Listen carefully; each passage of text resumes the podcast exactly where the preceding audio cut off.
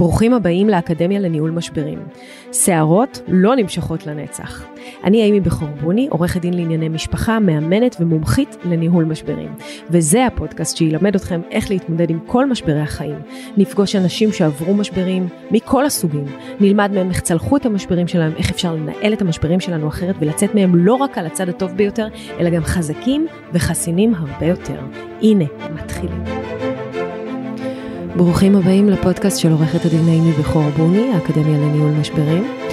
ואנחנו אה, בפרויקט התובנות, אה, והיום שלוש תובנות חדשות, אה, כמו בכל פעם שככה אתם מרגישים אה, שדברים לא זזים לכם בחיים, אתם יכולים פשוט לשים פליי על הפודקאסט הזה עם התובנות וליפול על תובנה שתעשה לכם איזה רגע כזה של וואלה מומנט, וואלה, זה נכון, זה מדויק לי, בוא נפעל בהתאם. אז שלוש תובנות חדשות היום. התובנה הראשונה היא, מיינדפולנס משנה את דרך החשיבה שלנו. מכוות את המוח מחדש לחיוביות. היום תנסו לשים לב, להיות מודעים למה שאתם עושים, ולא לעשות שום דבר באוטומט. מה זה אומר? מה זה אומר התובנה הזאת? אז אני, אני רוצה אה, להסביר. כשאני הייתי בהתקף חרדה מאוד מאוד גדול, שמתואר בספר שלי, שערות לא נמשכות לנצח, אה, שממנו בעצם התחיל כל המסע הזה של התפתחות עצמית ולמידה ולהבין מה טוב לי ומה לא טוב לי ומה נכון לי ומה בעצם, אה, מה בעצם אני עושה נגד עצמי, כי המון פעמים אנחנו עושים דברים נגד עצמנו, אנחנו פשוט לא מסמנים אותם כנגד עצמנו, אלא כבעד אחרים. ובתוך התהליך הזה, חיפשתי כלי, כלי שהוא לא תרופות, כלי שהוא לא אה, דברים אה, קונבנציונליים, אלא להבין בעצם מה קורה למוח שלי שם בתוך החרדה הענקית הזאת. הרי באמת אין נמר בחדר, הוא לא שם להרוג אותי, ואני כנראה לא באמת עומדת למות, אבל בהתקף חרדה זה ממש ההרגשה.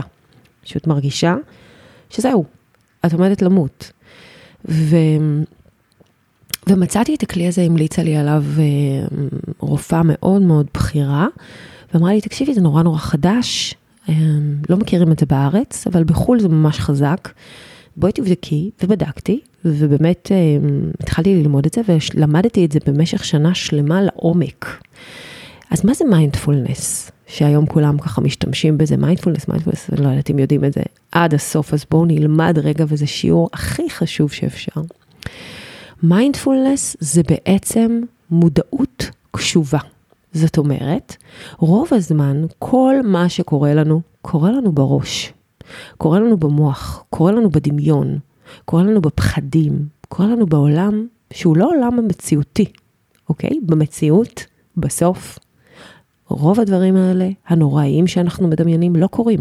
פשוט לא. אם תסתכלו על זה טוב, תראו ש-90% מהדאגות שלכם לא באמת מתרחשות. אז להיות במיינדפולנס אומר שאם נכנסתי לאיזושהי חרדה, או איזשהו בעצם אה, דמיון שאומר, דברים רעים עומדים לקרות. דברים רעים עומדים לקרות. סתם בוא ניקח את הדוגמה של אימא שמחכה לילד בחלון, הילד מאחר. אחרי עשר דקות, יום הטוב, אולי קרה פאנצ'ר באופניים, אחרי עשרים דקות, יום הטוב, זה כבר נראה לי מוגזם, אחרי שלושים דקות, היא כבר מתחילה בסרטים של תאונות דרכים, חמישים שעה, שעתיים, אנחנו כבר במוות ודאי, תאונות דרכים רבת משתתפים, חטיפה לעזה וכו'. אבל כל הדאגה המטורפת הזאת, היא מתרחשת בראש. במציאות, הילד פשוט מאחר, אנחנו לא יודעים עדיין מה קרה. רוב הפעמים הילד יחזור ויגיד שהוא לא שם לב לשעון.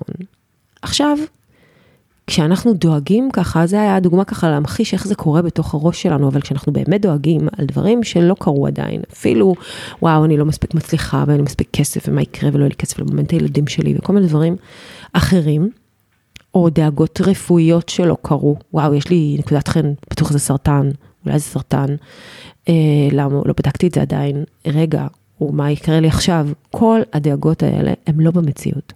ומיינדפולנס מפקס אותנו לרגע הזה של מציאות, הוא בעצם עוצר אותנו ואומר לנו, רגע, תנשמו.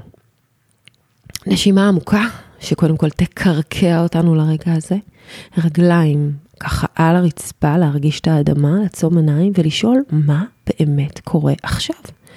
אז עכשיו מה שקורה שאתם בדיוק יושבים על ספה או כיסא נוח או מיטה, ובעצם מרגישים בידיים את הסדין, או את הקטיפה של הכורסה, או את הבד של הכיסא. ובעצם מולכם ככל הנראה עומדת איזה כוס תה, או אולי קפה. אה, אולי אנשים אחרים מסתובבים מסביב, יש שמש בחוץ, אין שמש בחוץ. מה קורה באמת, באמת של החיים? וברגע שהמוח שלנו מתווסת ומתחיל לבדוק את הסביבה, מה אני שומע? אה, אני שומע בחוץ משאית, הנה עבר אופנוע. זה המציאות. המציאות היא מה שקורה ברגע הזה. ברגע שאנחנו מלמדים את המוח שלנו להתייחס פשוט לרגע הספציפי הזה, ולא לכל שאר הדברים בדמיון, אנחנו בעצם מרגיעים את המערכת הסימפתטית. זאת שהתחילה את כל האדרנלין הזה והחרדות והפחדים, ומפעילים את המערכת הפרסימפטית שכל תפקידה לכבות, להרגיע, להרגיע את האדרנלין, ולהגיד, שום דבר רע לא באמת קרה. עדיין, יכול להיות שהוא יקרה, ואם הוא יקרה, נתמודד איתו, כי אז הוא יהיה המציאות, ואז נבין מה ההיקף שלו. אבל כל שאר הדברים פשוט קורים אצלכם בדמיון. ולכן, החשיבות הגדולה ביותר של מיינדפולנס זה שהוא משנה את דרך החשיבה שלנו. אם אנחנו עושים את זה מספיק פעמים, המוח מתחוות מחדש, ואז הוא מתחיל לראות את הדברים כמו שהם, רוב הזמן חיוביים. ואם שמים לב, נגיד, לכל האוטומטים, צחצחת שיניים, את זוכרת בכלל שצחצח? לא, כי חשבת על אלף דברים אחרים, ובכלל עשית את זה על אוטומט, נהגת לעבודה, לפעמים את כמה, ואת אומרת, היי, איך הגעתי לפה? כאילו, לא זוכרת את הדרך באימא שלי. כן, כי את עשית את זה על אוטומט, כי עשיתם את זה על אוטומט, וברגע שעושים על אוטומט דברים מפספסים את החיים, כי מה שעשיתם, זה חייתם אצלכם בראש. ומיינדפולנס עוצר את זה ושם אתכם לרגע אחד מקורקע במציאות, ובקרקע הזאת, במציאות, סביר להניח ששום דבר רע לא קורה. גם היום, כשאנחנו נמצאים תחת מלחמה מאוד גדולה, רוב האנשים לא נמצאים בעזה, הראש שלהם נמצא בעזה, בחיילים, בדברים הנוראים, ובאמת הלב איתם. אבל אם נכנסים לחרדה גדולה, וזה קורה להמון אנשים בגלל חדשות או טלוויזיה או דברים, לעצור, להגיד, רגע, איפה אני? אני בבית שלי, החם, יושב מול השולחן הזה, מסתכל איפה? בטלוויזיה? מה יש לידי? מי יש לידי? והדרך מחשבה הזאת של מיינדפולנס היא פשוט אה, מתקנת. היא מתקנת את המחשבות השליליות, היא מתקנת את הקטסטרופליות, וזה לא פשוט כמו שזה נשמע, זאת אומרת, אני מספרת לכם את זה ככה על הדרך, אבל שנה עשיתי חדר כושר למוח, שנה שלמה, יום-יום ללמוד איך בתוך הכאוס הפנימי הזה, שלי, אני מביאה את השקט. ואז, אחרי שלמדתי, זה לא נגמר, צריך לתרגל את זה יום-יום, כי במדינה הזאת ובכלל בחיים שלנו, יש כל הזמן סערות, קטנות, גדולות, אתגרים, וכדי למקד את עצמך ולהיזכר שהמציאות היא שהדברים האלה לא קורים, כרגע לפחות. אז אני רוצה להיות בכאן ובעכשיו שלי, שהוא כרגע אחלה. יש לי ילדים בריאים, אני בדרך לעבודה, נכון? יש לי משפחה מורחבת, יש לי אוכל במקרר, הרגליים שלי כאן נוגעות בקרקע, אין מעליי פצצות. הדברים האלה שנראים לכם כל כך טריוויאליים, הם מאוד לא טריוויאליים למוח שלנו, כי כשאנחנו חושבים על דברים, מבחינת המוח אין הבדל בין מציאות לדמיון.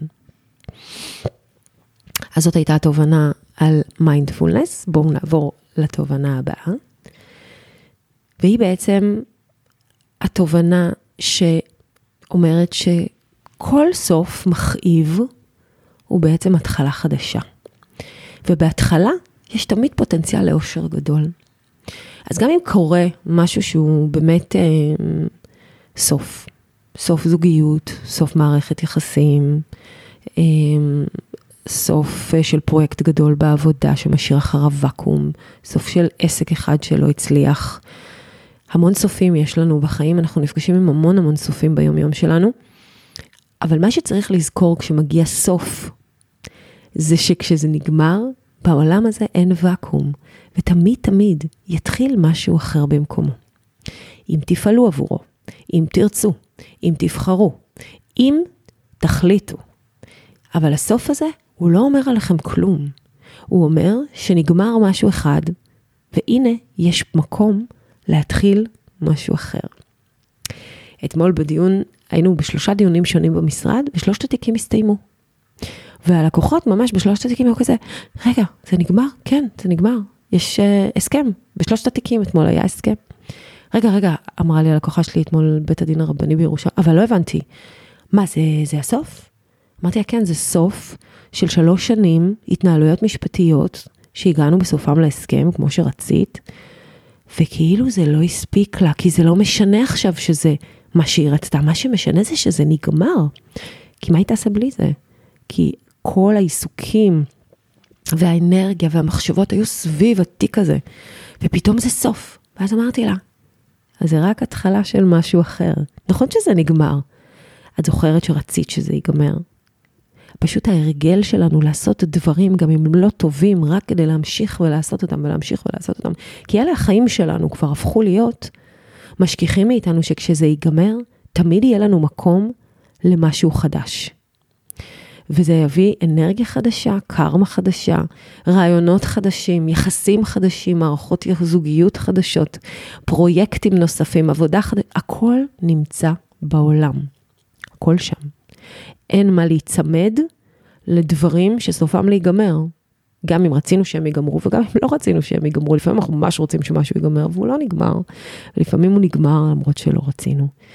אבל אם אנחנו זוכרים שהסוף הוא לא הוא סוף העולם, והוא תמיד אה, בעצם התחלה של משהו חדש שאנחנו יכולים להתחיל אותו, וזה בידיים שלנו, בכוחות שלנו, אז אה, אנחנו יכולים לעשות את זה, ולשמוח מהסוף הזה. גם אם הוא עצוב. כמו שאני תמיד אומרת, שבכל משבר יש בסוף איזושהי הזדמנות, וזאת ההזדמנות. ההזדמנות הוא שהתפנה מקום, זמן, אנרגיה, כסף, מחשבה, ווטאבר, בשביל להתחיל את הדבר אה, החדש הבא. תובנה שלישית ואחרונה להיום, היא תובנה מה זה חשובה באמת, היא סופר חשובה, היא נורא מורכבת, אבל אם מישהו מצליח ככה להבין אותה, הוא בעצם מבין את הסוד האמיתי להצלחה בחיים. אז התובנה הולכת ככה. אם תבדקו ותגלו שכל האמונות המקבילות שלכם בעצם מבוססות רק על פחדים. מה סיפרתם לעצמכם? למשל, שאם יהיה כסף למישהו אחר יחסר, אם יהיה לך כסף למישהו אחר יחסר, שאם יהיה לך כסף תצטרכי לשלם על זה, שכסף מביא איתו שחיתות, שכסף מה? לא גודל על העצים, הוא מגיע כנראה כי דברים לא טובים נעשו עבורו? מה האמונה שמגבילה אתכם? בסופו של דבר, כל האמונות המקבילות שלנו יושבות על, על, על פחדים. הפחדים שבעצם נולדו בילדות שלנו, מישהו נטע אותם בתוכנו. אם זה הורים שאמרו לנו, אמ, כסף לא גודל על העצים, תראי את ההוא, הזה הוא מושחת, או כל מיני אמירות כאלה על כסף, או שנגיד אצלי בבית היו אומרים, מה לעשות, כסף לא מגיע אלינו. לנו אין. כסף לא יגיע אלינו. אנחנו לא מצליחים אף פעם. לנו אין את המזל הזה. כן? זו אמונה מגבילה. לנו אין את המזל הזה. מי אמר?